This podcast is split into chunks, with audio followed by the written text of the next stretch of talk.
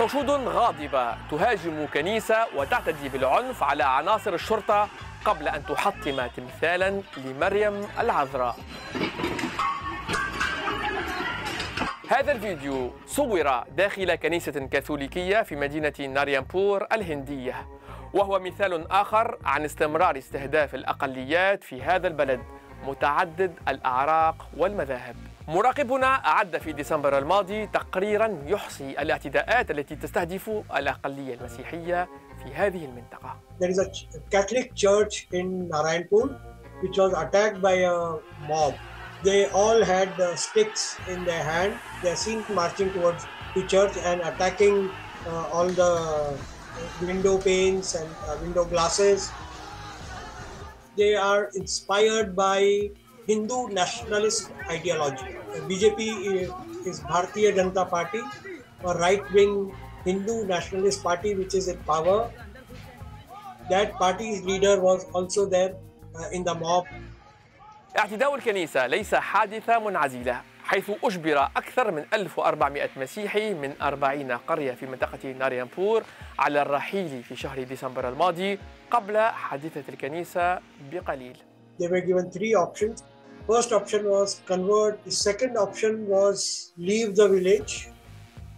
And the third option was face the violence. نسبة المسيحيين في الهند لا تتعدى ال 2.4% من مجموع السكان في هذا البلد بحسب آخر إحصاء ديموغرافي أجري في 2011 مراقبنا يقول إن موجة العنف ضد المسيحيين بدأت بعد انتشار أخبار عن قيام الطائفة المسيحية بدفع بعض السكان المحليين الهندوس إلى اعتناق الديانة المسيحية.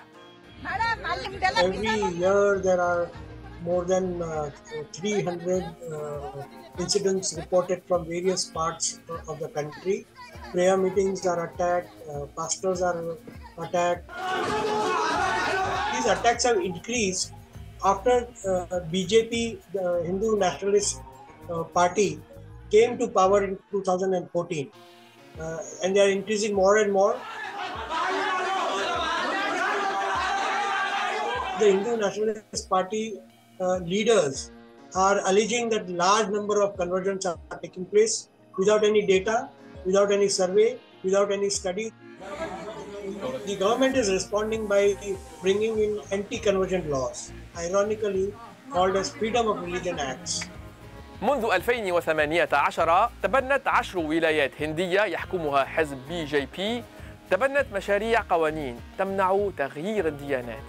لكن يسود الاعتقاد بأن هذه القوانين تستهدف في الواقع الأقليات الدينية في الهند كما تتعارض مع الدستور الهندي.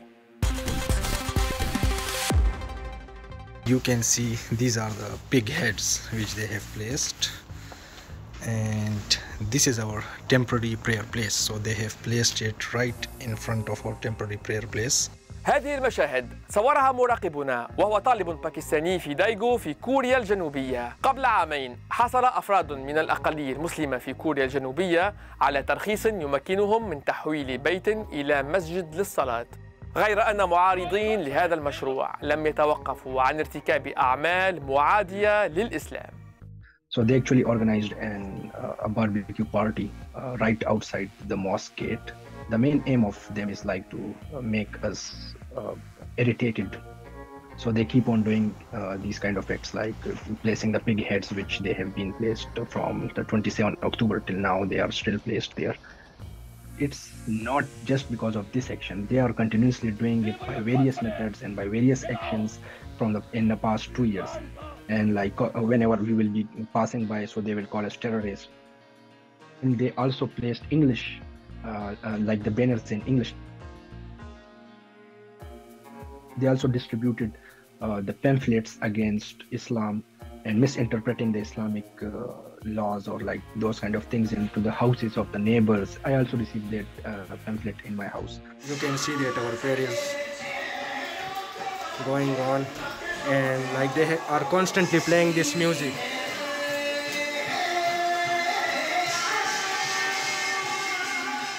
القضاء حكم في عدة مناسبات لصالح مشروع هذا المسجد واعتبر تقرير أعدته لجنة حقوقية اعتبر المواقف المعارضة لهذا المشروع تمييزية وهو ما ينفيه المعارضون للمسجد بشدة والذين يعتقدون أن ارتياد المسجد بانتظام قد يتسبب في الكثير من الضوضاء والروائح المزعجة خلال الاحتفالات على حد تعبيرهم They claim that this is not Islamophobia. Then what was when they were calling us terrorists? What were those boards about?